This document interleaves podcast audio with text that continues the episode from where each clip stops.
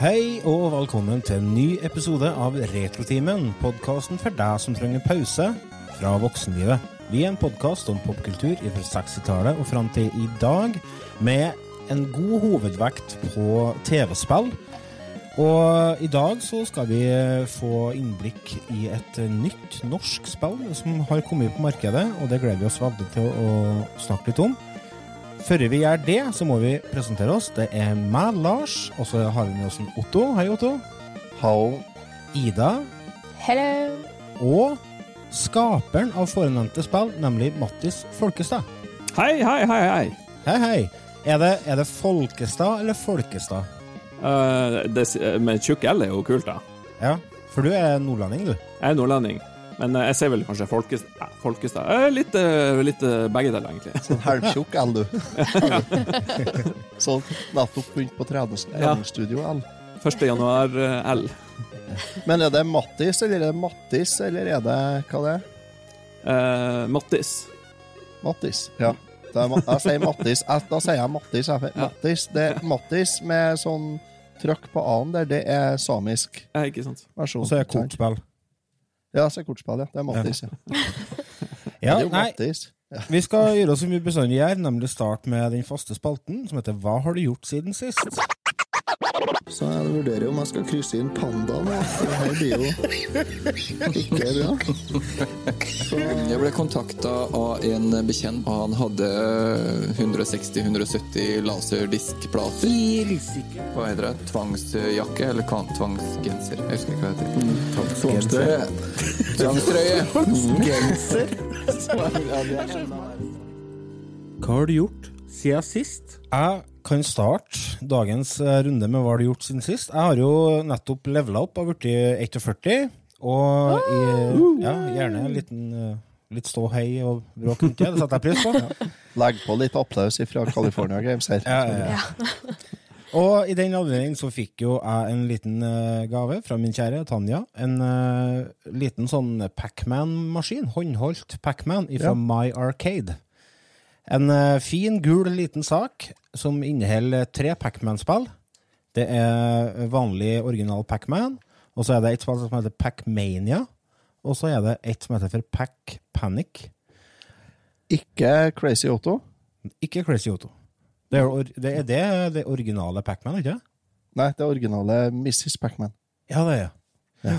Nei da, Pac- Pac-Man kjenner jo alle til, men det som var litt eh, artig i denne pakken her, er Pac Panic. Det er en sånn eh, blanding av Dr. Mario og Tetris.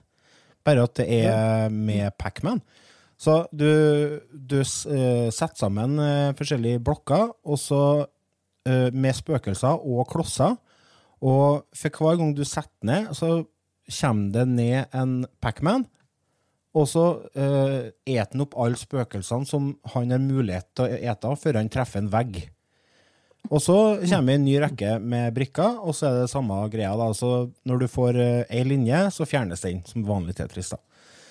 Uh, Yes. Så det var en litt sånn uh, interessant uh, vri på Tetris-formen. Jeg er glad i både Pacman og Tetris, så det var en eh, veldig vinner for min del. Og så er det en sånn eh, veldig fin liten sak å ha bare liggende på kontorpulten. Som jeg kan ta, ta fram når jeg sitter og rendrer ting, eller eh, ja, sitter og hører gjennom retrotimen og skal klippe og vente på ting som må fjernes. Så jeg rekker jo Du begynner ikke å- å, Nei, å spille nå, nei. Nei, det akkurat det. Jeg rekker ikke å spille så mye. Så jeg går Det blir ikke noe sånn high score eh, Det blir ikke noe high score-jakt. Men uh. Pacman for meg, det, det er noe meditativt over det. Det er den, Jeg bare Jeg soner ut helt, og så er det bare meg og Pacman og spøkelsene. Og jeg, ja, waka, waka, waka, waka, waka. Det er bra ikke det som på Sega Master System, at du må sprenge bortover gulvet og så trykke på maskinen for å sette på pause. da. Ja. Lite tips til dere lytterne. Hvis dere har lyst til å, å lage Pac- Pac-Man-effekten, tar dere og så sutter på pekefingeren, og så stapper den dere i øret, og så tar dere bare tar den ut og inn av øret. Da får dere den Pac-Man-lyden. Fun fact der, altså. Otto, hva som skjer oppe i Ungdalen? Jo, du Nå skal du høre. Ja, nå skal du høre. Høre. Det begynner jeg bestandig med. Nei da. Du, jeg har omsider fått uh, Vi har kommet i gang med trøskinga, så nå har jeg omsider fått av konjet. Og i Trøndelag så er det jo sånn i år da at uh, finværet kommer i sånn ketsjup-doser. sånn at uh, vi har liksom hatt sånn Det kom i sånn Jeg vet ikke om man har prøvd sånn god gammeldags Heinz ketsjupflasker, sånn av glassflasker. Jo.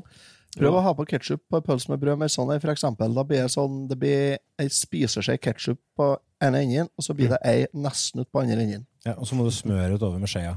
Mm. Ja. Sånn har finværet kommet i Trøndelag i år. Ja, det har jo det. Det medfører da at alt da som skal leveres til korn, til Steinkjer kornsilo, for eksempel, det skal leveres på ei uke, det. Og det er 29 000 tonn. I er to- helvete, så mye! Ja, det er over 30 000 traktorhengerlaster det, med korn. Men det, det Nei, jo ikke 3000, mener jeg. Over 3000 traktorhengere. Nå Ja. skal nedover. Ja. Og ja, det er mye korn, det er det jo. Og, og det representerer jo en ganske god verdi, da, for det er jo fort noen tusen kroner tonnet. Hvor mange tonn skal du nedover med? Jeg skal nedover med Mitt eget er vel eh, drygt 15 tonn, sikkert. Ja. Det er det mye. Men uh, ja, det er jo Nei, det er jo ingenting. Jeg har. Men eh, vi er jo vi er tre stykker som holder på i sli oss i lag på dette her, Så en som har trøsk, og så en som har redskapsbu med betonggulv, og, og en som er villig til å kjøre kornlass klokka to om natta. Det er da meg. Så er det sånn at timebestillinga for å få tipp kornlassene på Steinkjer, dem- det legges ut på nettet. Mm. Det legges ut klokka ti om morgenen og klokka ti om kvelden. Ja. Ja. Og så er det 500 stykker som skal levere korn, og så har de alliert seg med kårkall, to unger og kjerring med hver sin PC og nettbrett og telefon. og så er det sannsynligvis valgfag EDB på ungdomsskolen som har laga nettsida. Det er litt sånn når at, folk skal eh, inn og sjekke skatten, dette. Du, det er vær. Det her er som å kjøpe billetter til Kiss-konsert på Valle Hovin, vet du. Uff da. Uff da. Ja. Så det, Så men det du har er- fått time nå, eller? Du, ja, vi har jo fått til noen timer, så vi har jo fått kjørt nedover noen lass, men uh, alt kornet mitt ligger jo på betonggulv lenger oppe i dalen her og venter på å kjøres. Ja. Og per nå så står uh, hengerne våre spraddfulle av hager, som- altså havre, Mm. som ble trøska i dag. Så jeg skal kjøre nedover i natt. Klokka to skal jeg levere et lass. Og så har jeg en time klokka litt over halv sju i morgen tidlig. Den er en annen som skal levere. Og så har vi en time klokka halv ni. Den er en som skal levere. Ja. Og så klokka ti i kveld skal jeg prøve å få til noen timer igjen. Ja, men Du kan ligge utpå i morgen, da, skjønner jeg. Nei, jeg kan jo ikke det. Jeg må jo like forbanna opp på Ørefjøs, jeg. Ja, ja. Nei, men det er Så, greit å ha noe å holde på med. Ja, det er jo det. Og så artig, da. Ja. Det her er jo det, altså, altså, det, Du kan jo si hva du vil, men det her er jo et, det, liksom den store spenninga med å drive med korn. da. Det er jo Får jeg tak i TepTeam, og blir kornet ferdig? Blir det tørt? Blir jeg, hvor mye trekk blir det for at det er bløtt? Og går det her, her bra? Kjører dere sånn veddemål og sånn, av hvem som får eh, tippa først og sånn, eller? Nei, vi gjør ikke det, for det er litt for store summer det er snakk om. Husk på det er 30 000 kroner jeg har med meg i kornoppgjør når jeg kjører nedover til Steinkjer og skal tippe en henger. Oh. Nei, men da får vi bare krysse fingrene og håpe at du får uh, teppa resten òg. Ja, så per nå så har vi treene Vi har uh, korn for en kvart million liggende, vi, da. Ja. Har vi. så vi håper vi får Det fortere vi får levert det, desto bedre kvalitet er det. Så nei, så det, vi krysser fingrene. Og så en annen ting. Vi har jo snakka om at vi skal ha en episode med Metal Gear. Ja, det er fordi at uh, dem som sponser oss på Patrion, de har muligheten til å få, et, uh, få en ønskeepisode hvis de uh, når en viss eh, sum. Og Ja. eh, nå er det sånn at det er en par stykker som står og venter på å få deres episoder i, i trøkken. Heriblant den du snakker om nå, da. Metal Gear Ja. Solid. og det var Metal Gear Solid, ja. Nei, og så jeg på tegn på Faen, jeg har Metal Gear Solid, men jeg kunne faen ikke komme på hva jeg har den til slags maskin. Nei. Men så, men så begynte jeg å tenke litt grann her i kveld, jeg oppe i Jordfjøs, og da fant jeg ut at jo visst har jeg jo det. For som kanskje noen av dere husker, uh, Patriens, så hadde jeg en periode at jeg kjøpte en del russiske repro-karts og spill til Sega Genesis. Ja. Så jeg har en russisk Sega Metal Gear Solid til Sega Megadrive. Det blir jo konge. Komplett i eske. Ja. Skal du gi bort den i premien, da, eller? Hør kvaliteten. Jeg vet ikke, Du husker sikkert det, du, Lars. Det lukter røyk av den den ut av eska. Det lukter skikkelig stein. Lars var jo til meg en gang, og da spilte vi Battletoads. Ja. Eh, Battletoads and Double Dragon. Ja. Russisk repro-kart. Og der var karten var så dårlig at den gikk i oppløsning. Så det var bare printkortet som sto nedi i mas- maskinen. Men spillet funka jo kanon. Det var jo knall. Det gjorde jo det. Men, Og her er jo mye instruksjonsbok på russisk og hele hopprennet. Ja, så bra. Jeg trodde ikke det var utgitt på Megadrive. Nei, det er jo sikkert ikke det, men i Russland så kommer jo alt ut. Ja, ja, ja. Alt. Jeg har jo Super Mario 3 og 4 òg til Megadrive. 4, ja. Ja. Nei, men det blir spennende. Det, Det blir kjempespennende. du skulle fått uh, tatt noen bilder av den instruksjonsmanualen, og så får vi se. Du, vi må legge ut eh, en bildeserie på Facebook. Få gjøre det. Det må vi gjøre. Ida, da? Hva har du bedrevet de siste dagene med? Eh, nei, jeg har vært på skolen. Gjort Mm. ferdig mm. litt der. Vært på arbeid. Eh, holder på å daue i Dungeons and Dragons, så jeg venter til lørdag nå for å finne ut om jeg er død eller er jeg levende. Oi, snakk om cliffhanger. Ja, det er cliffhanger. Kjempeirriterende. Ja. Så nå må jeg vente til lørdag. Det er for lenge til. Nå skulle vi jo hatt han eh, Herodes Falsk her til oss å lese eh, Er hun død? Er hun levende? Finn ut i neste episode. Ja. Helt klart, ja. ja. Nei, men eh, så spennende, da. Jeg skal jo for så vidt hive meg på min første runde med Dungeons and Dragons out til vekkene. Så Ja. har til og med skapt min egen karakter. En eh, fjelldverg ved navn Dolimir. Han er, han er spellmann og eh, styggglad i øl. Og en liten luring, da. Så jeg er litt spent på hvordan dette blir å uttale seg. Største utfordringa er at denne gruppa som jeg skal spille med, som for så vidt er en gjeng fra Patron-gruppa, har bestemt at vi kan snakke engelsk. Yes. Ja.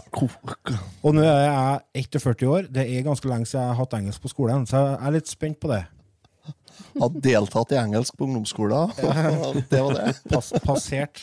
Ja, men det skal jo sies at jeg fikk jo oppfriska engelsken min litt når jeg drev og spilte Embracelet, da, for jeg visste ikke at jeg kunne velge norsk som språk. Oh. Ja. Ja, Så jeg spilte på engelsk. jeg. Det var litt eh, det snodig. gjorde jeg òg.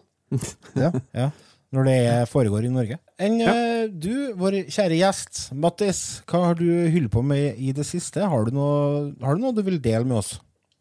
Den siste tida så har jeg jo egentlig tatt det litt med ro etter en eh, ganske hektisk innspurt med å få ut eh, en bracelet eh, ut eh, til eh, anmeldere og kritikere, og eh, ikke minst eh, spillere der ute i verden. Så eh, jeg har slappa litt av, hatt eh, bitte litt eh, høstferie, litt sjelden eh, fridager, og så eh, har jeg stått og leka meg litt med Jeg prøvde å lære meg sånn Arduino-programmering, så jeg driver og prøver å bygge med en sånn liten um, kul uh, boks til Flight Simulator, som jeg skal Wow. uh, koble opp, da, som er, med masse knapper og knotter som da kan styre diverse instrumenter på, uh, på flysimulatoren. Ja, så så det, kult. det er mitt liksom, lekehobbyprosjekt nå når jeg er på en måte ferdig med, med en bracelet. Ja. Har du, har du drevet og spilt mye Flight Simulator, eller? Jeg har jo spilt Flight Simulator siden, siden midten av 90-tallet der omkring. Såpass? Så jeg har, har noen timer bak flystikka, flystikker, men eh, det har vært litt, sånn- litt sporadisk. Og nå, eh, men nå måtte jeg jo selvfølgelig tilbake nå når eh, 2020-versjonen eh, kom. Så Ja. den lokka meg tilbake opp i skyene. Faen, viste seg vi hadde med feil nordlending på episoden om Fletcher. Skulle aldri hatt med Jon Cato på dere. Vi hadde med oss en Jon Cato Lauritzen. eh, Ja, på Lorentzen, i hvert fall. Den må dere forresten sjekke ut, eh, kjære lyttere eh, eh, og patrons. Vår episode om Flight Sim eh, 2020. Heter det Flight Sim 2020? Nei, det heter Flight Simulator, Jo. bare. Ja, eh, Microsoft Flight Simulator 2020. Nei, men eh, det Så du har skikkelig sittet og nerda, du, da? Jeg har sittet og koset meg litt og programmert litt og lodda litt. Utrolig vanskelig å, å gjøre sånne konkrete tekniske ting. Liker Ja. egentlig best å sitte framfor datamaskinen. Men det er liksom deilig å få litt sånn avbrekk og starte opp 3D-printeren min og fått laga en sånn eh, ganske stilig boks, egentlig, med Ja, så masse knapper og knotter. Printa den sjøl og greier? Ja, jeg printa sjøl. Har du, har du laga designet og sånn sjøl da, eller? Ja, det er en 3D-modellert uh, Dere som hører på, blir kanskje Ja. vanskelig, men Nei, men uh, her kan vi se, Oh, se hei! en Dæven, boks den med var forskjellige artige knapper og knotter, og en liten skjerm har jeg også fått plass til, som der det står hva du, hva du trykker på. så bra. Er her, ja. et lite nerdeprosjekt. Ja, så kult. Vi har en håndverker i studio. Nei, men det, det det var var artig å høre. Det, jeg har jo sett litt på nettet, og det, folk går jo helt av skaftet i forhold til customizing av eh, av eh, kontorene sine rundt omkring i verden. De sitter jo i svære sånne bokser, og altså, det er jo helt vilt. Ja, ja. Mm. Nei, så ille er det ikke her, men eh, det var artig å ha en liten sånn ekstra Mm. knappeboks. Du sa høstferie, sa du. Har du unger i skolealder? Det har jeg. Ja. To Ja, da, da er det supert henne, ja. jeg hadde, jeg, ja, det glemte jeg til å si, jeg, ikke for å ødelegge for Mattis her, men jeg, jeg, jeg hijacka min mor i dag. Jeg ringte på henne og så sa at i dag er det dugnad på Måna. Kom og ta opp potet. Ja. For jeg har en som er hjemme på høstferie, jeg også. Ja. Jeg. Én, Og- bare? Har ikke du tre unger? Jo, jo, men det er to andre i barnehage. Ja, for dem får ikke ferie. Nei. Nei. Det Nei. Det, jeg merker det. Jeg jobber i barnehage, og det er veldig få unger som tar ferie. Altså. Ja, så han som har ferie, han må få ferie, han òg. Jo da, det er sant. Han fikk ikke det i dag, da, for i dag må han være med farmora og ta opp potet. da. De Ja, men har tatt opp to jo- planter med potet, og så fant de ut at nei, vi går og spiser smultringer i stedet. Det er jo potetferie. Opprinnelig så Ja, ja, er det jo, ja, den ferien er jo laga for at du skal plukke potet, så hvorfor ikke? Ja, så, men det ble det ikke. Det må jeg gjøre sjøl. Vi skal ta en uh, kjapp liten uh, overgang til et uh, spill som vi i uh, Retroteamen har drevet og kosa oss med i det siste, og som vi fikk høre at Mattis ikke har prøvd. Vi skal, skal få høre en liten launch-trailer til spillet. It's Super Mario Brothers with 35 Marios. Play in this online battle game. Compete against other players near and far. Send enemies you defeat to other players' courses. And keep going until you're the last Mario standing or running. Super Mario Brothers 35. Available exclusively for Nintendo Switch Online members. Den eh, var innselgings... eh, eller hva skal du kalle det? Eh, Nintendos reklame for Super Mario 35. 35. Det er en eh, Battle Royale satt i Super Mario Bros. 1-verden. Og ja. det er jo, som veldig mye annet Nintendo eh, gjør, stjålet ifra publikum. Ja. Dette her er jo en idé som en stakkar eh, kom med for eh, noen år siden, eh, og ordna en kjempefin versjon av og la ut på nett, og fikk beskjed om at det var bare å fjerne. For dette her eh, skulle ikke eh, ligge ut og bli spilt. For de skal jo tjene penger, må vite. Nintendo. Ja. Så i forbindelse med 35-årsjubileet til Super Mario, så ga de ut dette her nå. Det er gratis hvis du har Nintendo Switch Online eh, membership, medlemskap. Og vi var såpass ivrige at vi lasta ned det på dag én. si. Det kom jo 1. oktober. Mm. Og hva er Hvilket inntrykk sitter dere med, folkens?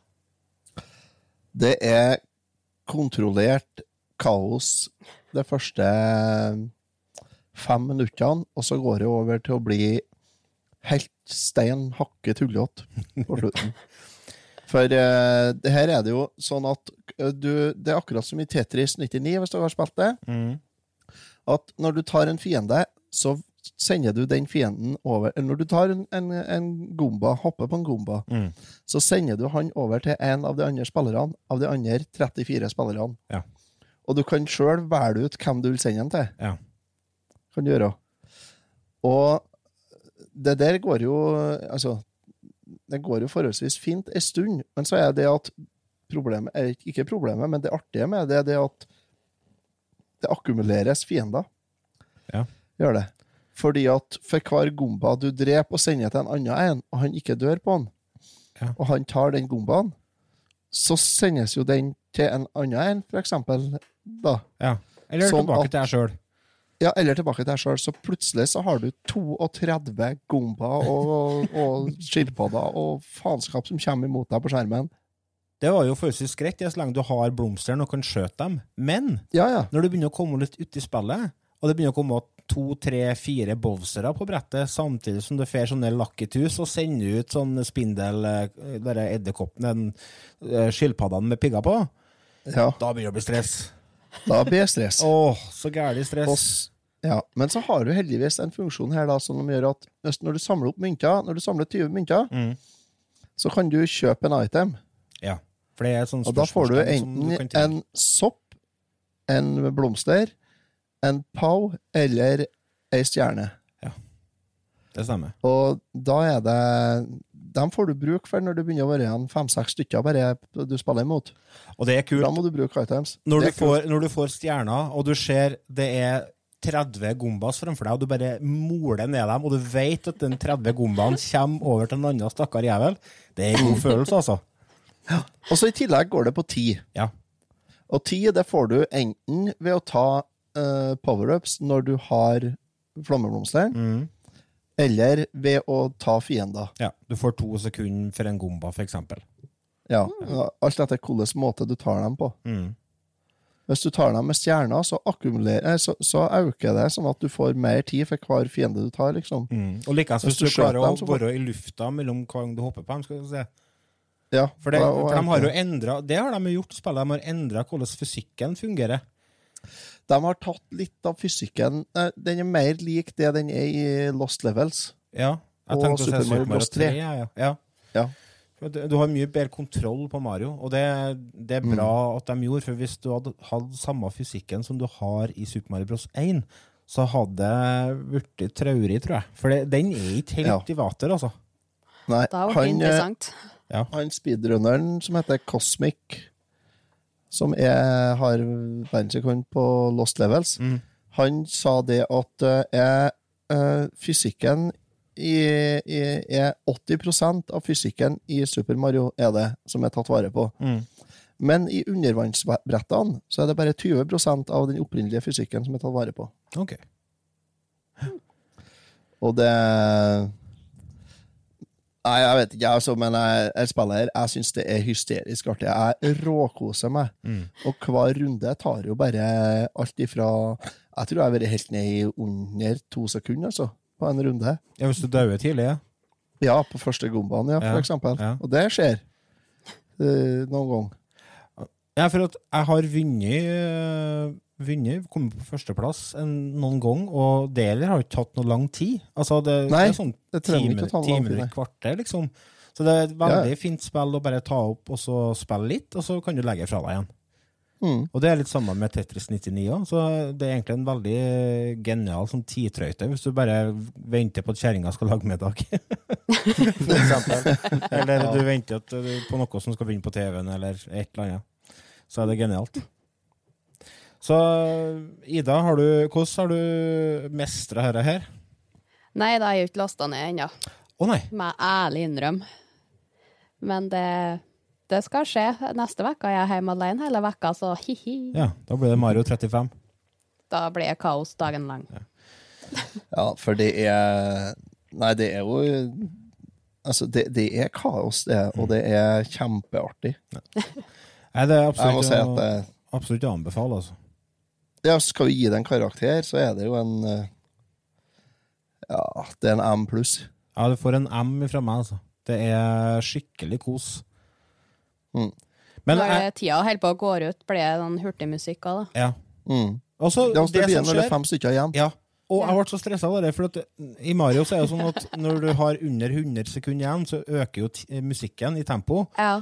Men, eh, og så skjønte jeg ingenting. Faen, jeg hadde jo 200 eller noe sånt sekunder igjen, og så hører jeg musikken bli stressa, så ble jeg stressa, og så daua jeg selvfølgelig. da. Så fant jeg ut etterpå at jo, men det var jo fordi det var bare fem igjen. Mm. Uh, og likeens, hvis det holder på for lenge, hvis, dere, hvis runden får, går over for lang tid, så setter de opp tida. Den går fortere og fortere. Oh, Ja, så, Det har ikke vært noe problem med meg. Nei. det, det skjer i hvert fall. Så herre, Mattis, må du ta og sjekke ut. Det skal testes ut. Det hørtes ut som en artig Battle Royale-variant. Ja. det er det. Ja, og den online-tjenesten til Nintendo, den er ikke eh, Den er faktisk så billig at den er verdt å ha bare for eh, bare for, eh, bare for dere NES-spillene og Super Nintendo-spillene og, og dere, så er den verdt å ha, syns jeg. Mm. Synes jeg. Ja, det syns jeg òg. Og den, og den blir Altså, online-tjenester til Nintendo starta jo ut som et, noe skikkelig ræl, men eh, jeg syns den har begynt å tatt seg opp ganske bra, altså med tanke på hvor billig den er. Ja, Så det har den absolutt. sjekk det ut, folkens. Sjekk det ut. Vi skal ta oss en kjapp pause. Når vi kommer tilbake, så skal vi hive oss over ukens spill.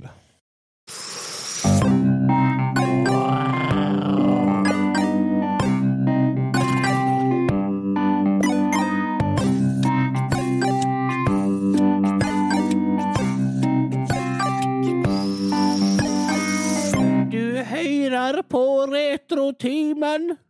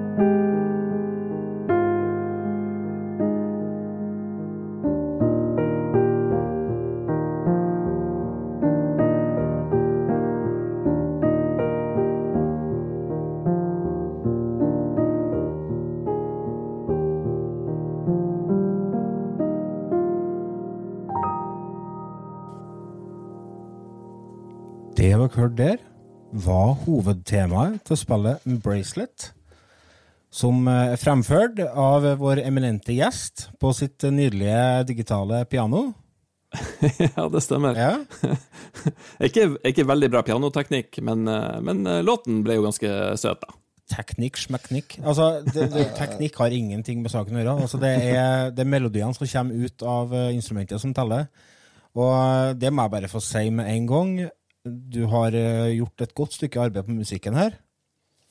Takk, takk. Det er veldig bra. Dette er jo et spill som eh, handler om en gutt som heter for Jesper. Han er en eh, ensom gutt som har et godt og nært forhold til bestefaren sin, som er syk. Og etter hvert så går jo bestefaren bort. men du har fått arva et armbånd, et magisk armbånd, som er liksom eh, greia med hele spillet. Da, som det, det, det foregår rundt. Det er det du bruker. Eh, du bruker ved å eh, fokusere på f.eks. Uh, en eh, statue.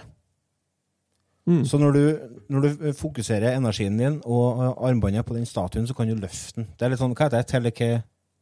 Telekinetiske egenskaper, vil man kanskje Ja, kunne sant. kalle det. Ja. Mm. Og du bruker det til å løse en del puzzles uh, underveis. Uh, og, Men kanskje det som er viktigste, er jo at du får beskjed av bestefaren din at du er nødt til å ta med det der armbåndet tilbake til dit han fant det, nemlig øy som heter for Slepp. Ja. Det er ei fiktiv øy, vet du. Det er ei fiktiv eh, øy, men den er satt til, til Nordland, da. Ja. Og jeg, jeg, jeg hørte om dette spillet her i Level Up-podkasten. De uh, anmeldte, og jeg ble uh, nysgjerrig. For at det er ikke så ofte at det kommer norske spill.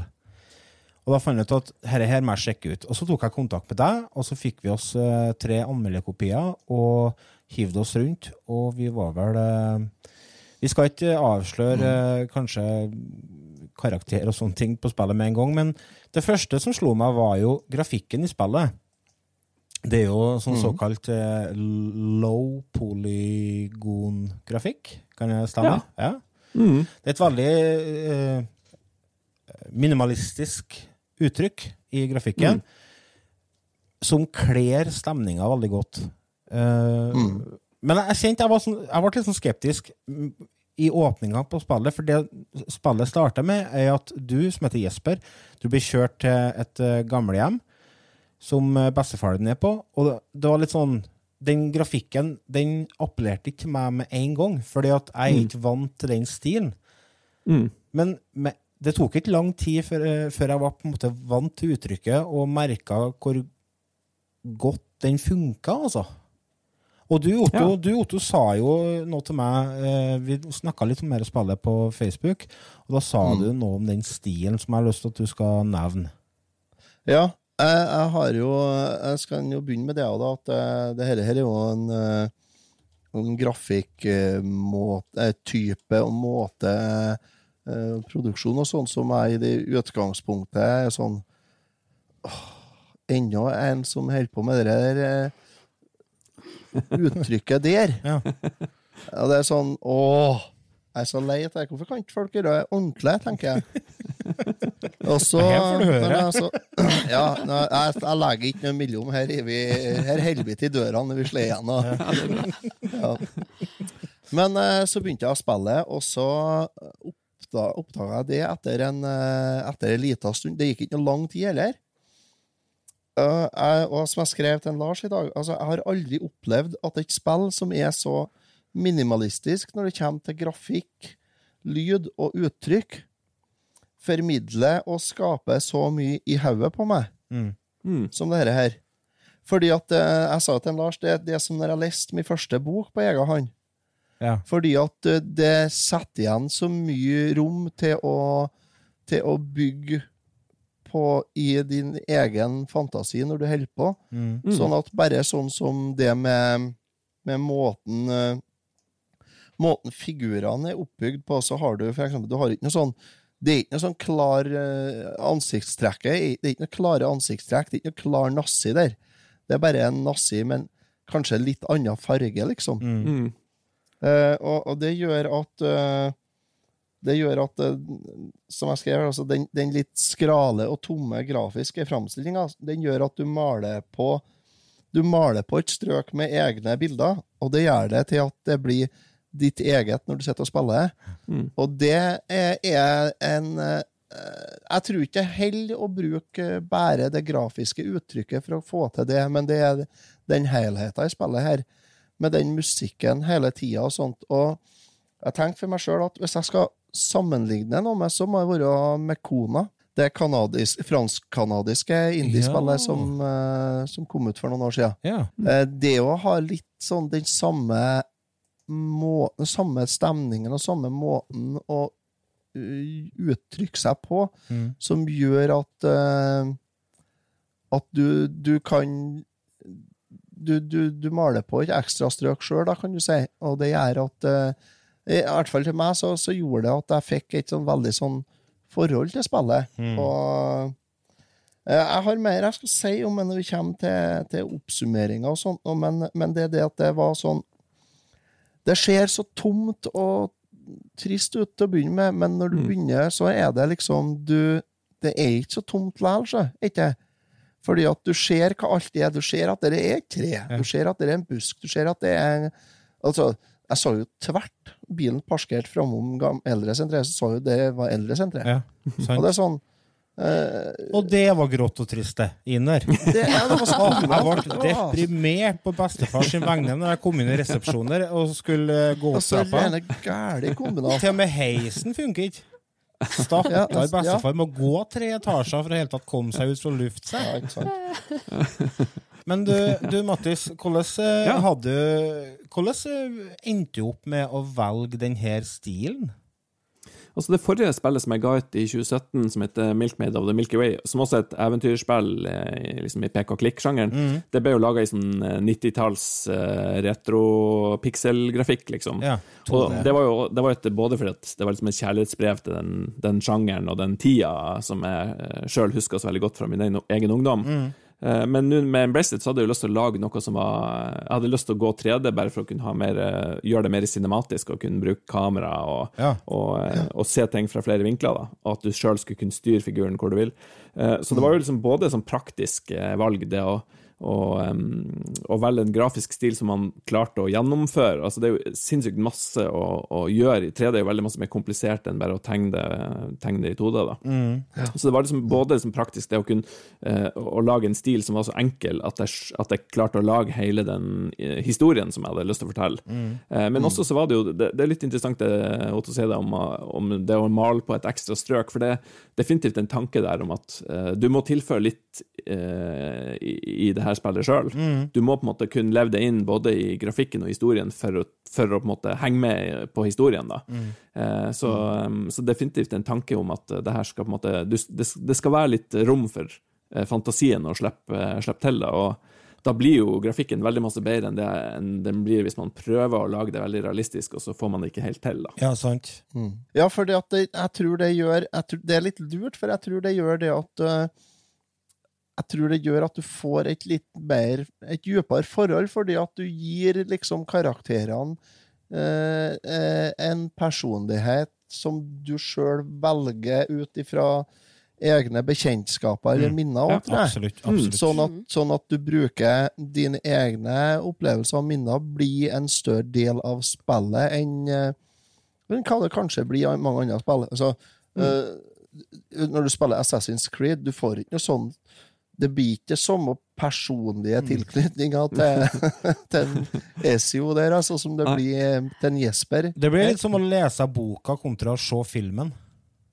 Ja, det blir det. Det blir litt mer eh, Ja, det blir det. det blir, du, du maler det, du, du, du skaper dine egne bilder og, og dine egne forhold til karakterene mer enn eh, Og det tror jeg er viktig, for det, det tror jeg kanskje er en litt sånn glemt kunst i det her grafikkjaget og det her Absolutt. realitetsjaget som er gjennomsyrer mye av spillbransjen Mm. nå til dags. At uh, du mister en dimensjon der. Mm. En, liksom en litt sånn en fjerde dimensjon med at du, du skaper mye av inntrykkene sjøl. Og og, er Der har du truffet på, syns jeg. Og det er jo det som er uh, fordelen med at uh, det har blitt enklere for indie-utviklere å gi ut spill. Fordi at der finner vi ikke alle dem som skal tjene seg steinrik på spill. Der finner du dem som har en historie de har lyst til å fortelle. Mm. Og det er, er det hvordan, Hvor kommer den inspirasjonen eh, ifra i forhold til historien? Er det noe, har du noe personlig knytta opp i dette, til eksempel? Ikke egentlig, men jeg, jeg var veldig eh, Jeg hadde eh, lenge tenkt på å lage et spill som var satt i Nord-Norge, for det følte jeg liksom var eh, et område som, som ikke har vært gjort i spill før. Og siden jeg sjøl er vokst opp i Nordland, på en, i en liten kommune, eh, så, så følte jeg at det, liksom, det å sette et spill i en sånn setting var veldig interessant. Både liksom med problemstillingen med hvordan er det å bo i ei lita bygd, mm. være liksom, eh, ja, det å ha få folk rundt seg og en industri som er på vei nedover, og fraflytting og eh, alle de temaene som, eh, som man sjøl husker fra da man vokste opp. da. Så eh, det på en måte var, var grunnen til at jeg satte historien i det. Men ellers er det ikke så masse på en måte personlig erfaring, egentlig, egentlig men uh, mer bare et ønske om å lage en, en eh, oppvekst, et oppvekstspill. da. Ja, og det, vet du, vet du det, det slo meg når jeg satt og spilte det her. Hvorfor finnes det ikke flere sånne typer spill? Altså, det er oppvekstromaner. Det, altså, en av mine favorittbøker er Beatles. En av de beste oppvekstromanene som er skrevet i, norsk penn, i min mening.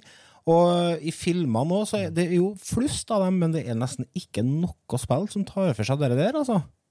Nei. Det er rart. Ja, det, er kanskje, det er kanskje litt vanskelig på en måte å, å lage spill som eh, Eller å på en måte kombinere spillmekanikk da med Det er jo en litt sånn, det er jo en litt sånn sart tid for mange, den oppvoksen. Det kan være litt sånn sårt og vanskelig og, ei vrien tid, men også veldig spennende tid. da.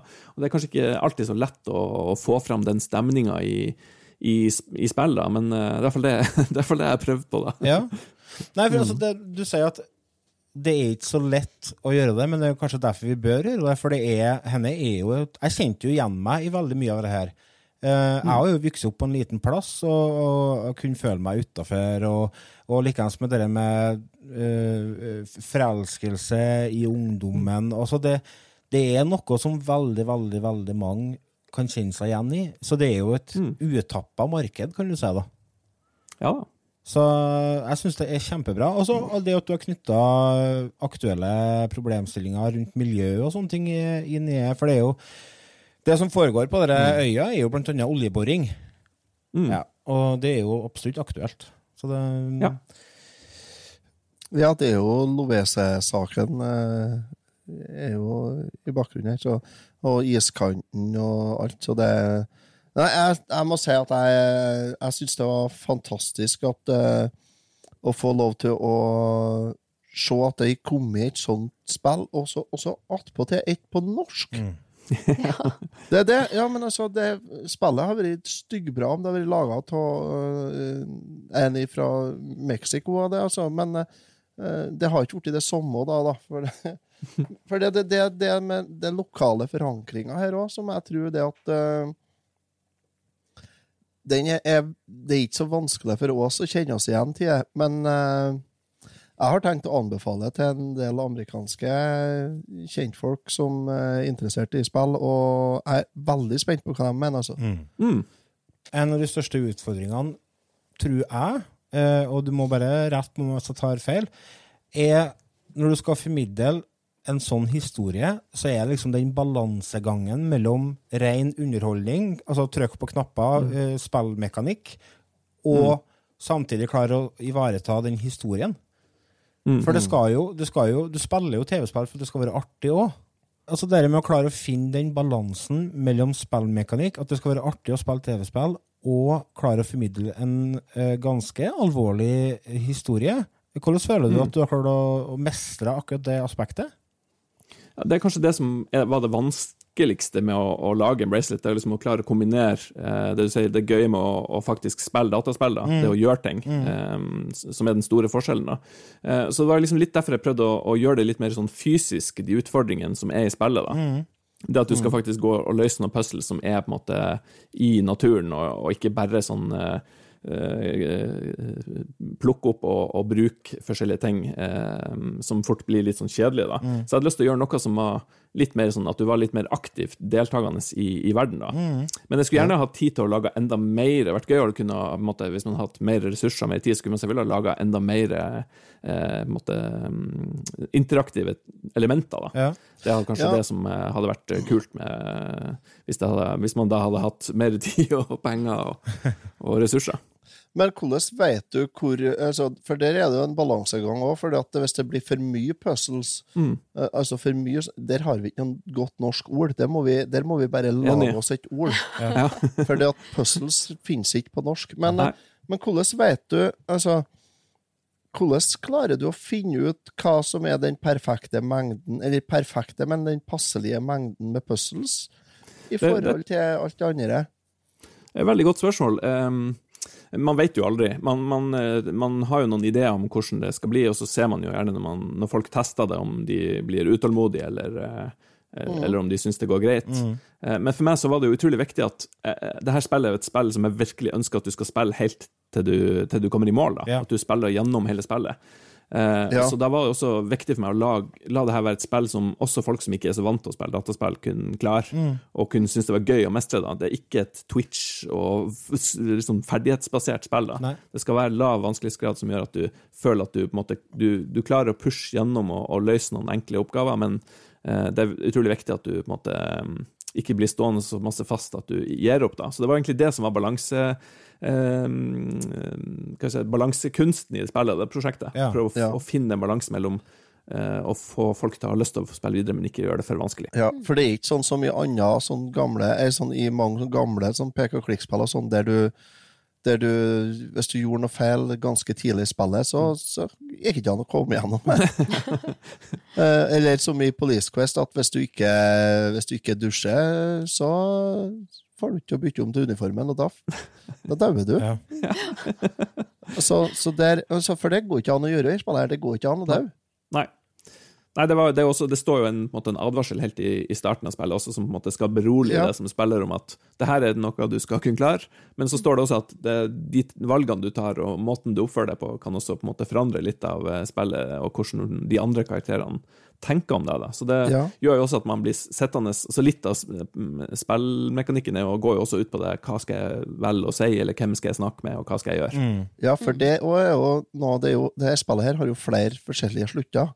Mm. Eh, jeg har ikke eh, fått til mer én en ending ennå sjøl, men eh, jeg har planer om å prøve å endre litt på det. For Mm. eh, mulig at det her kan være en liten spoiler, men du kan velge å, å svare på eh, med, med å spoile eller ikke, da.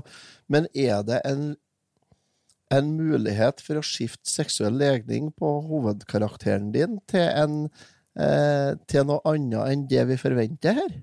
Ja, det vil jeg påstå. Um, det er egentlig opp til deg som eh, Det blir litt sånn et rollespillelement, egentlig. Så du kan jo Jesper er jo tenkt som en litt sånn ei blank tavle, egentlig, som du sjøl kan på en måte projisere litt av dine egne følelser og, inn i. da. Så Ja. du kan velge å, å spille som, eh, som at du enten ikke liker verken gutt eller jente, eller at du liker gutter eller, eller jenter. Så det er jo på en Ja. måte litt opp til deg hvordan du ønsker å gå fram. Jøss. Er ikke det ei- revsaks og tramp i, i, i, i spillindustrien? Det kan godt hende. Jeg har ikke noe, ikke fått noen negative eh, anmeldelser eller respons på det, så jeg tror, jeg tror jo verden er, måtte, er klar for at eh, også, også legning er, måtte, greit så Spillindustrien er kanskje en, en, en av de industriene som har kommet lengst når det gjelder eh, å, å spille på legninger og sånt. da. Men jeg vet jo, det ble jo en del styr her når det var eh, Når Last of Us 2 kom. mm, var det jo. Så jeg tenkte at oi For jeg, jeg oppdaga det at det gikk an å jeg, jeg, Det ante meg at det gikk an å, å endre, da, men, eh, mm. men Nei, jeg, det syns jeg er sprekt. Det syns jeg er veldig progressivt og artig. da. Mm. Ja. Sånt, sånt liker jeg. Nei, jeg skal spille gjennom en gang til, jeg òg, og ta litt annet valg. Uh, Mm. Mm. Men Fordi at den advarselen i starten, den gjør jo at uh, du som spiller Fordi at de sier jo det i starten, at uh, de valgene du tar, vil påvirke hvordan andre mot... eh, Er, altså eh, andre eh, Karakterene. Ja, karakterene eh, forholder seg til deg. mm. Og det gjør jo at, i hvert fall hos meg, så gikk jeg at Å ja, å, nei, dæven, da Jeg må nå være snill. Ja, ja jeg òg havner bestandig Jeg i Ida. Ja. Ender, ender du òg opp med å være snill når du får valget? Ja, vet du hva, jeg var, var ikke å tråkke på noe tær whatsoever. Jeg var helt på strak linje. Ja, dere kan ikke mislike meg, nei. Nei. Hvor rart at vi er så nøye på At vi er så nauver på sånt. Jeg får Ja. nesten vondt i Ja, neste magen. gang så skal vi ta bare feil valg. Ja. Ja, men det er sant, Lars. Hvis jeg får muligheten til å gjøre noe magen, som, eh, som er slemt, så får jeg litt vondt i magen. Jeg får dårlig samvittighet. Jeg. Mm. Det er jo helt håpløst. Ja, det er jo det. Til og med i spillverden er vi snille, vi. Ja, vi, vi, er noe, vi må være Norges snilleste podkast, vi. Ja, kan ikke skjønne det annet. Skal vi ta oss og snakke litt om musikken? Jeg har lyst til å spille eh, en låt som heter He Is Gone. Eh, for dere som er nysgjerrig på musikken, så kan dere kjøpe soundtracket på Steam. Og dere kan få høre litt mer fra musikken. Dere hørte jo hovedtemaet helt i starten, som eh, for øvrig, for øvrig er en F-moll 9 pluss 5. Så da vet du det, Jaså. Mathias. For jeg så, jeg så på bloggen din at du lurte på hvilket grep det var som det du starta på. Jeg måtte sjekke ut det. Men det er en låt som heter He's Gone, og det er jo bestefaren som er borte.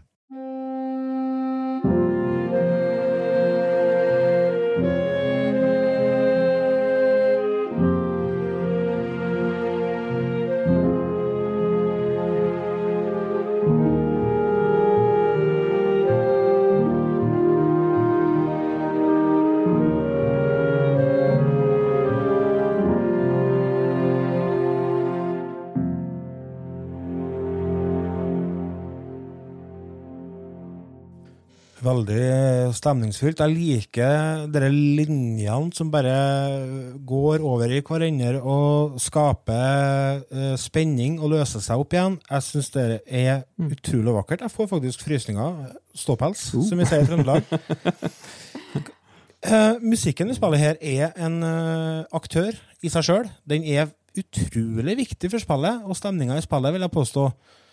Eh, hvor, eh, hvor har du henta hovedinspirasjonen ifra når du har laga dette spillet? her? Laga du spill, musikken først, eller har du laga musikken til scenene etterpå? Eller Fortell litt om hvordan det gikk frem. Ja, eh, det, i, eh, det hovedtemaet, måte, den, den låten som vi hørte i starten av podkasten, den, den kom før spillet. Så det er på en måte den som starta litt sånn ideene bak spillet, og hvordan stemning jeg hadde lyst til å skape. Um, eh, så det var, det var definitivt eh, musikken En del av de temaene eh, som, som man hører i spillet, er på en måte laga før, før eh, spillet ble til. Og det var liksom nytt for meg å, å begynne i den enden. Ja. Men, eh, men etter hvert som, eh, eh, som jeg gjorde ferdig spillet, så, så var liksom det siste måte, store arbeidet jeg gjorde, var å, å gjøre ferdig all musikken. Det er sinnssykt mange forskjellige spor. Jeg tror det, jeg tror det er 60 spor til sammen i, eh, i spillet. Da. Så det var utrolig masse musikk å lage. da. Eh, så det ble litt, sånn eh, tight og litt dårlig tid, men eh, målet var liksom å lage et veldig sånn eh, vart og vakkert, og, og litt sånn eh, ja, med litt sånn symfoniske elementer, og så prøve å gjøre det litt sånn eh, litt større enn det jeg har gjort eh, tidligere. da. Så det var litt sånn eksperimentering, og så prøve å lære seg litt sånn nye sjangere og nye, nye måter, og nye instrumenter, ikke minst. Så det var, det var et stort og interessant prosjekt, og, og veldig gøy å, å, å lage, da. For det som, er, som jeg syns er veldig artig når jeg sjøl lager musikk, er hvis jeg f.eks. setter meg en begrensning på ett minutt. Du skal lage, Mm. Da skal jeg lage noe på ett minutt som får fram denne stemninga, kontra at jeg skal lage, lage ei poplåt på tre og et halvt minutt Mm. med gitarer, trommer og bass. Mm. Så, og det er det jo veldig mye av vi spiller her små snutter, men som er veldig uh, fullendt. Altså det, du har klart eh, å få fram og bygge under stemninga veldig godt i veldig mye av det musikken du har laga. Jeg, jeg syns det er rart at du sier at du måtte ha lært deg en ny sjanger, for det høres ut som det er noe som du har mestra veldig lenge. jeg har aldri laga symfonisk eh, musikk før, så, eh, men man hører jo gjerne at det er jo veldig ofte sånn en eller annen melodilinje som ligger eh, i nesten alle de sangene, så de har på en måte, et sånn tematisk eh, en melodilinje som går igjen. Så det, på en måte, det har alltid vært måte, min eh, greie, da, at jeg alltid likte å lage melodier. da. Da er melodien som kommer først. Mm. Også... Melodien gjerne kommer først, og så prøve å bygge noe rundt det. da. Eh, Så, men det, det har vært utrolig artig å jobbe. Det er jo veldig spennende også fordi det er ganske masse forskjellige typer scener i spillet. da.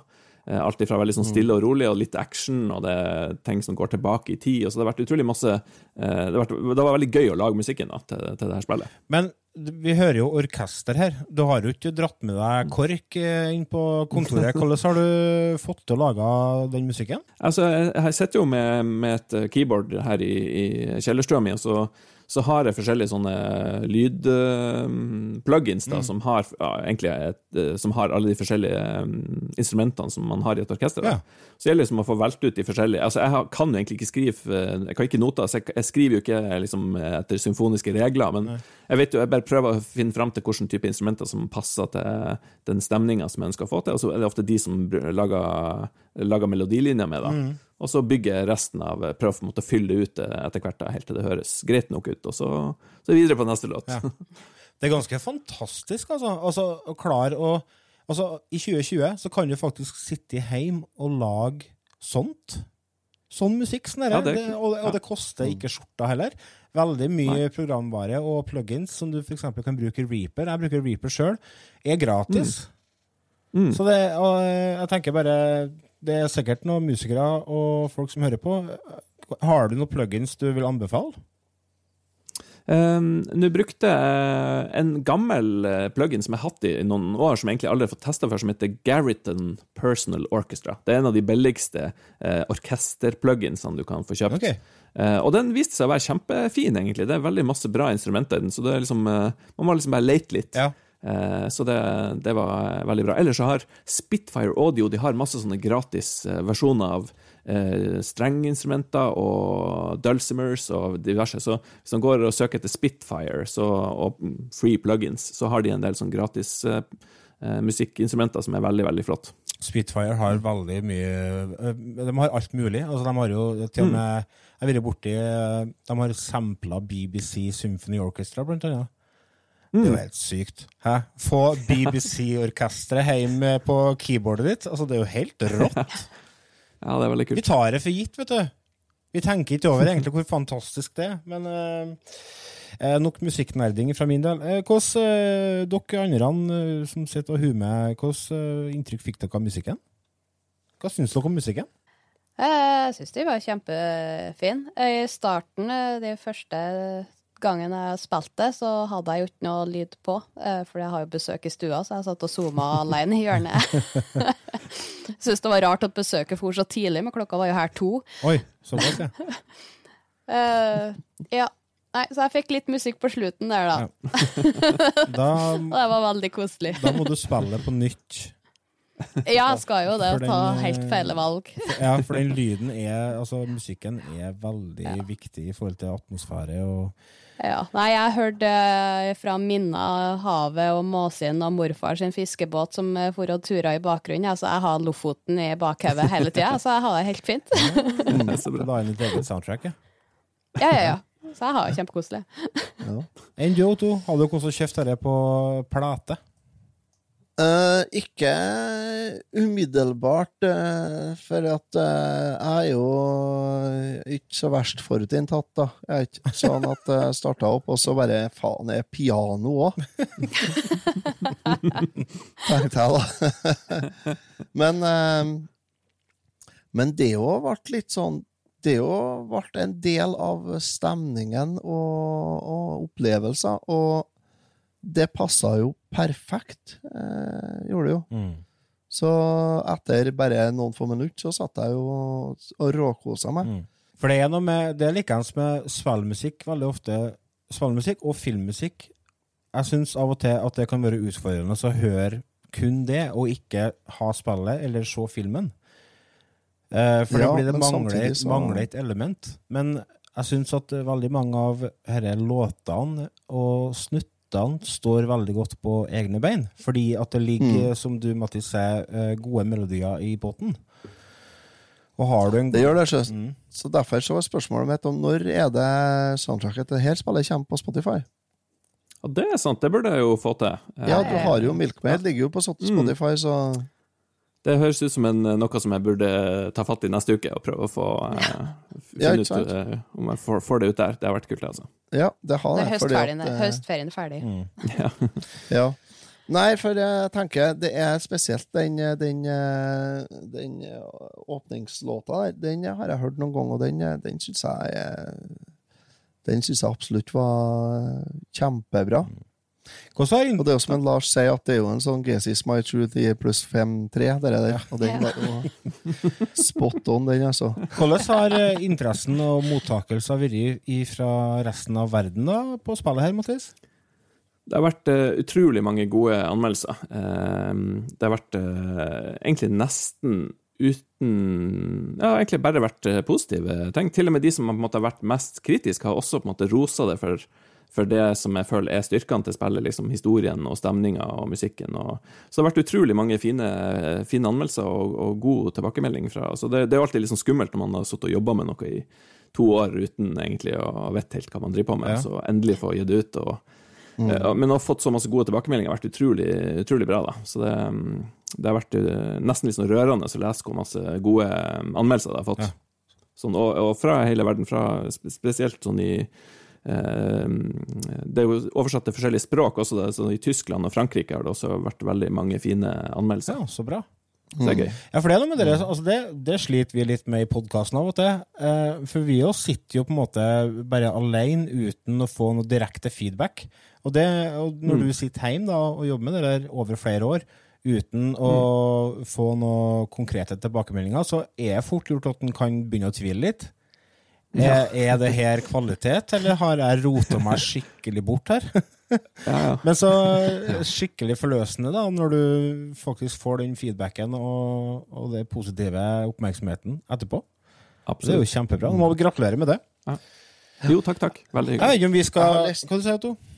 Altså, jeg har lest litt, litt anmeldelser, jeg kikka litt på dem, og, og det er ikke tull, det, som jeg måtte si. Det er jo Det er jaggu mye ni av ti, altså. Og, og sånt. Så det er Det er helt sikkert at folk har uh, likt det her, ja. Er det. Skal vi ta oss og dra fram den grønne karakterboka vår, vi òg, da? Det skal vi. Det er jo litt sånn eh, Jeg, vet ikke, jeg kaller det sketchy og skal gjøre en anmeldelse av et spill når eh, mannen bak spillet er med i episoden. Jeg vet ikke om vi skal nevne Jeg jeg er ikke så veldig sart, så jeg tar, eh, tar det meste med, med et smil. Og det var godt å høre. Jeg kan, eh, jeg kan starte, eh, gi deg litt tilbakemelding fra meg. Og det er det at spillet er litt trått i starten, men eh, hvis du klarer å komme deg forbi på en måte eh, oppstarten og kommer deg inn i eh, hvordan historien fortelles, og tempoet i spillet, så blir du belønna veldig. Og det er en eh, historie som, som uh, drar deg videre.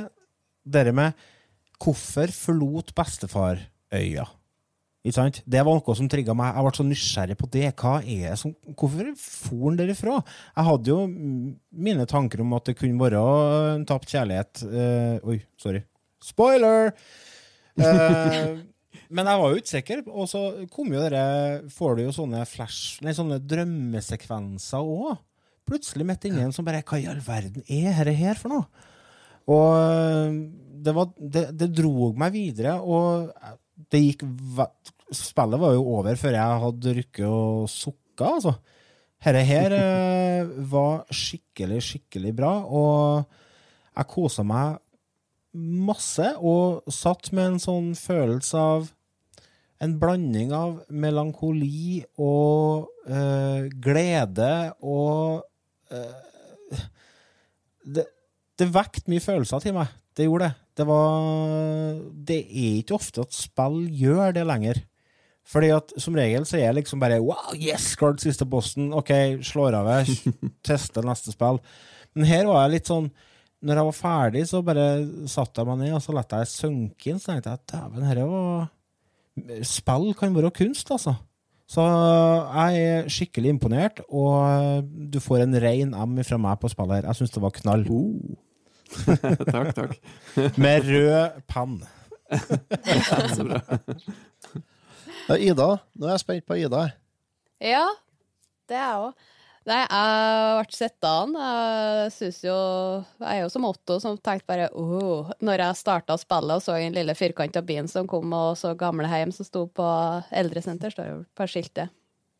Men når har stidda den båten, og det som har, jeg forteller til alle når jeg snakker om spillet, så er jo at jeg syns det er så artig at det står nærbutikk på den butikken. Og jeg sitter så fast på den. Og jeg hører jo måsene og ikke så mye båter. Uh, nei, jeg kosa meg med spillet. Besøket for jo Jeg trodde de for klokka her ti, men klokka var halv to. Så jeg har sittet og kosa meg med spillet. Eh, det var litt trist når det var over, for jeg var jo ikke ferdig med alt jeg skulle gjøre på den øya. Så nå må jeg jo gå gjennom for å gjøre det òg. Du, nei, så ja. eh, den uh, automaten, den har du aldri Ja. prøvd i virkeligheten. Jo, på tivoli så er det noe lignende. Ja, men det blir ikke det samme, vet du. Ja. Nei, Det nei, det ble sånn, ikke det. Nei, jeg, jeg holdt på lenge med han òg, ja. Det var prøvde å ringe mor mi mange ganger. Nei, Ja. jeg Fram med Jeg tror jeg vil gi det en M, jeg òg. For eh, jeg har kosa meg, og jeg har sagt til mange at dere må prøve, og at dere kan tenke litt rundt det. Du trenger ikke bare å spille for å spille, men å tenke litt at det er rundt det. Så jeg kosa meg, og jeg skal gå gjennom det igjen. Otto? Kult. Jo, eh, jeg har jo fortalt litt om hva jeg syns om det spillet. Um, det var som jeg sier, jeg starta opp, og så var jeg vel Nei, herre faen, er det sånt nå? Men eh, Det er årets eh, høydepunkt i spillverden at meg, faktisk, Oh, hittil i år. det der. Såpass? Ja, det er det. Er det, ja. det, er, det er den eh, Den beste spillopplevelsen jeg har hatt i år, er det. Um, jeg spiller jo ikke så mye, jeg, da, som mange andre, men eh, Så når jeg spiller, så vil jeg at det skal være kvalitet, det jeg holder på med. Mm. Eh, jeg vil ikke ha Police Quest igjen. Jeg vil ikke. Og det, vi, vi spiller jo en del forskjellig, vi som driver Retrotimen, men uh, det her er årets uh, høydepunkt spillmessig for meg. Jeg har, uh, jeg har Jeg måtte bare slå av når jeg var ferdig, og så måtte jeg bare gå opp og sette meg sammen med ja, Silje, og nesten jeg måtte holde henne i handa. Nei, det var skikkelig rørende. Det var, det er, jeg, er ikke, jeg ikke noe lettrørt. Jeg er ikke eh, den typen som får tårer i øynene av verken spill eller film. Men det her var, det her var virkelig en fantastisk opplevelse. Jeg var helt tom når jeg var ferdig. Nei. Eh, så tusen takk, Mattis. Det her er en, det er en S ifra meg. Ja, det er det beste jeg har prøvd i år. Ja. Oi. Det er jo Det det. fantastisk. Oi, oi, oi. Det, er, det var bare Det er alt i hop. Alt ifra det at eh, Det at grafikken faktisk lar meg få lov til å å male på det strøket sjøl, som jeg sa, og til det at uh, musikken var så djup og inderlig som den faktisk er, Mm. Og til den historien som er steinbra. Du finner ikke en sånn historie i en uh, ungdomsfilm, gjør du ikke. Uh, du finner den i bøker, det kan du sikkert gjøre òg, men uh, jeg har ikke lest de bøkene. Eh, så nei, det her er bare Det var bare en Det er en S. Eh, helt awesome. Det er helt rått. Spillet er tilgjengelig på Steam, og det er tilgjengelig på Switch.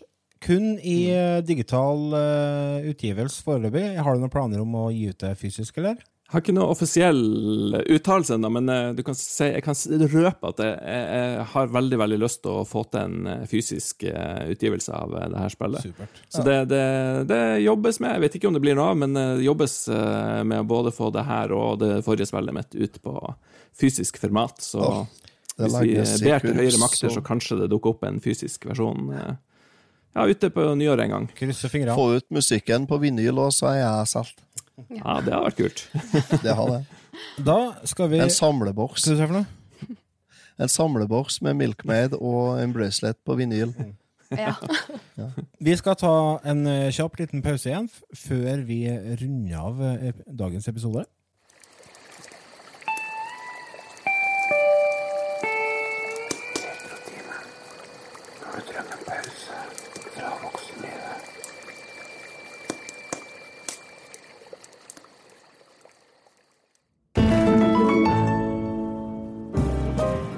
Er du en av dem som er ukomfortabel med at foreldrene dine ligger sammen? Ja! Æsj! Og synes du det er fryktelig å vite at hele grunnen til at du er til, er eh, ja, samleie mellom din mor og far? Ja, jeg syns det er dritekkelt. Ja, det. Sett deg på sengekanten deres og følg med, da vel.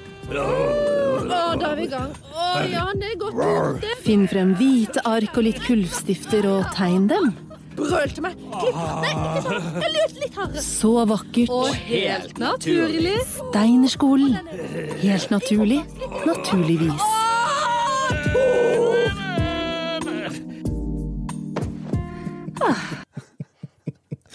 Hva har du å si til et forsvar?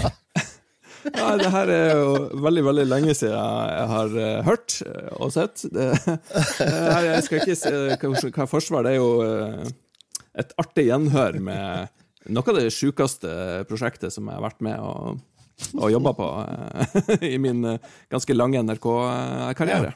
Dette er et program som heter for uh, Halvseint. Det var en animert eh, serie der du var med og skapte animasjonene, var det sånn? Mm, ja, jeg var, hadde animasjonsregi på denne serien, og ideen til, til ut, eller utgangspunktet. Hva er, hva er liksom eh, for, Dere som er nysgjerrig på dette her, dette er jo en slags, en slags parodi på et talkshow, er det? Mm. Ja. Det er jo et, et tøysete, eh, en tøysete parodi på et talkshow der eh, konseptet er eh, norske kjendiser eh, klept sammen fra forskjellige ekte intervjuer, Nei. satt sammen eh, en måte, i eh, vilkårlig rekkefølge, og animert da i et talkshow der absolutt ingen av gjestene har på seg bukse. Det er et fantastisk Det- konsept. Ja, veldig, veldig gøy. Jeg, jeg husker det her ifra det gikk, og det, det skapte jo litt furore, spesielt det klippet vi hørte nå. Ja. Dere ble vel tatt opp i pressens faglige utvalg, ble det ikke det? Jo, det var Eller i hvert fall i Kringkastingsrådet, Ja, Kringkastingsrådet, var vi oppe. ja. Men eh, det som var veldig flott, det var jo at eh, vi fikk jo kjempeskryt fra Kringkastingsrådet. Som syntes det her var veldig, veldig gøy og tatt på kornet. Så eh, vi susa gjennom Kringkastingsrådet uten noe nevneverdige problemer. Ja, Ja, så det var et, et veldig veldig morsomt, morsomt talkshow og et utrolig artig prosjekt å jobbe sammen med. ja, for det har jo ikke trengt å gått bra, egentlig. Nei, det kan... For det ble vel, det ble vel klaga inn som porno. Ja, det ble det helt sikkert gjort. Incest, Eh, incestuøs porno var det vel det det ble klaga inn som. før. ja. Det er helt sykt. Altså, eh, kjære lyttere. Ja. her er eh, som sagt et annet prosjekt som en uh, Mattis har vært med på. Ta altså Sjekk ut det på NRK. Det ligger på, på nett-TV-en. Eh, Søk på Halvseint, og så får dere opp eh, Ja, det er vel en 10-15 episoder, kanskje? Ja, det gikk i to sesonger, så um, kan det være noe sånn 12 episoder, 10-12 episoder, tror jeg. Mm. Jeg tror det er noe sånt. Ja. Så jeg tenk, Det kom da ut for det er vel, Den første sesongen var vel ute for 13 år siden, så det begynner å bli en stund siden. Det er ikke 2007. full HD, men eh, det, det ser ganske gøy ut fortsatt, tror jeg. det er jo Ja. blant annet en julespesial der, som er ganske fornøyelig. Det stemmer. stemmer. Og så er det jo med flere kjente NRK-profiler. Rune Absolutt. Nilsson og Så Nei, det jeg, jeg, flere flira godt når jeg så igjen det der. Altså. Jeg tenkte vi måtte liksom bare ha deg med nå når du var gjest hos oss. Hvordan, ja. Men sånn framover nå, da, Mattis, hvilket prosjekt eh, har du, har du begynt å planlegge et eh, nytt spill, f.eks.? Eller hva, hva, hvordan går veien videre? Jeg har ikke tenkt på noe helt nytt enda. Nå er det fortsatt liksom å følge opp Embracelet. en bracelet. Eh, målet er nå eh, er først å kanskje få det ut på noen flere plattformer. Jeg sitter nå og bare tester ut og ser hvordan det gjør seg på en uh, liten skjerm som heter iPhone eller iPad. Så får vi se om eh, det lar seg gjøre. Um, eller kanskje til en annen type konsoll hadde vært aktuelt. Og så eventuelt også da få uh, se om man kan få gi det ut fysisk. Ja. Eh, Så det er egentlig det som er de neste prosjektene. Så, så har jeg masse masse ideer til nye prosjekter og nye spill, men det er også sånne store ting som, eh, som uansett må planlegges godt. Så det er ikke eh, verken energi eller tid til å begynne å, å jobbe med det enn så lenge. Nei, men du får Fysisk, Fysisk, fysisk, Vi er glad i fysisk format i rettetimen. Ja. Men du må, du må holde oss oppdatert, da. Altså Rope ut eh, hvis du kommer i gang med noen nye prosjekt, så får vi, får vi følge deg. Det skal jeg absolutt gjøre. Og så har vi jo vi har jo et spørsmål fra Patrion her òg, til deg. Har vi. Ja. Eh, Det tenkte jeg skulle ta med her nå. da. Vi har et spørsmål fra jeg må se om jeg finner her, fra Carl Peder Sjømæling, en av våre patrions. Han lurer på om du har en arbeid han er lærer på Montessori-skolen på Steinkjer, så han vil helst ha en jobb der han kan blende inn og tjene penger uten å egentlig gjøre noen ting. Da må han i hvert fall ikke jobbe i spillbransjen, for der er det Jeg tror jeg aldri har jobba så masse som jeg har gjort de siste to årene. Ja, da vet vi det, Carl Peder. Du må bare fortsette å være lærer, du. For da, da, da, da Ta det rolig. Får du høstferie? og- Han har jo egentlig den jobben han vil ha, der han Ja, bare kan det blende inn og tjene penger uten å gjøre noe. Ja. Det jo- De leser jo sjøl, de ungene. Så, Ja, nei. så ja. Tusen, eh, tusen hjertelig takk for at du eh, var med som gjest hos oss, eh, til oss, Mathis. Du, Det var veldig veldig hyggelig og artig å komme hjem med så god karakterbok Ja. og vise til mamma og pappa. sant. ja, det her jeg mener jeg at de må få se. Absolutt. Har de prøvd spillet? Eh, nei, det har de faktisk ikke, så det, det skal jeg prøve å få, få, få de til å spille gjennom. Ja, for det her er jo et spill som, som alle kan spille gjennom, faktisk. Absolutt. Jeg tenkte jeg skulle Jeg vurderte om jeg skulle latt han sju år gammel så åtte, åtte igjen. han det? Kan. Jo, åtte år gammel sønnen min prøve. Ja. For jeg tror det er, det er ikke et spill som ikke han kan spille. Nei, det tror ikke jeg. Så lenge Men- du kan lese, og er sånn, så tror jeg det Ja, skal ja, gå han leste da vel, han er jo sønnen til far sin. ja, ja, ja. Tusen takk til dere kjære lyttere også, som har uh, fulgt oss gjennom denne uh, gode timen med prat om Embracelet, nå tilgjengelig på Switch og på Steam. Så hvis dere vil støtte oss, så går dere inn på patreon.com slash retotimen. Hvis dere vil følge oss, så går dere inn på facebook.com slash retotimen. Og så sier vi bare takk for oss, og så høres vi igjen om en uke. Vi hørs. Hei nå! Vi hørs. Ha det!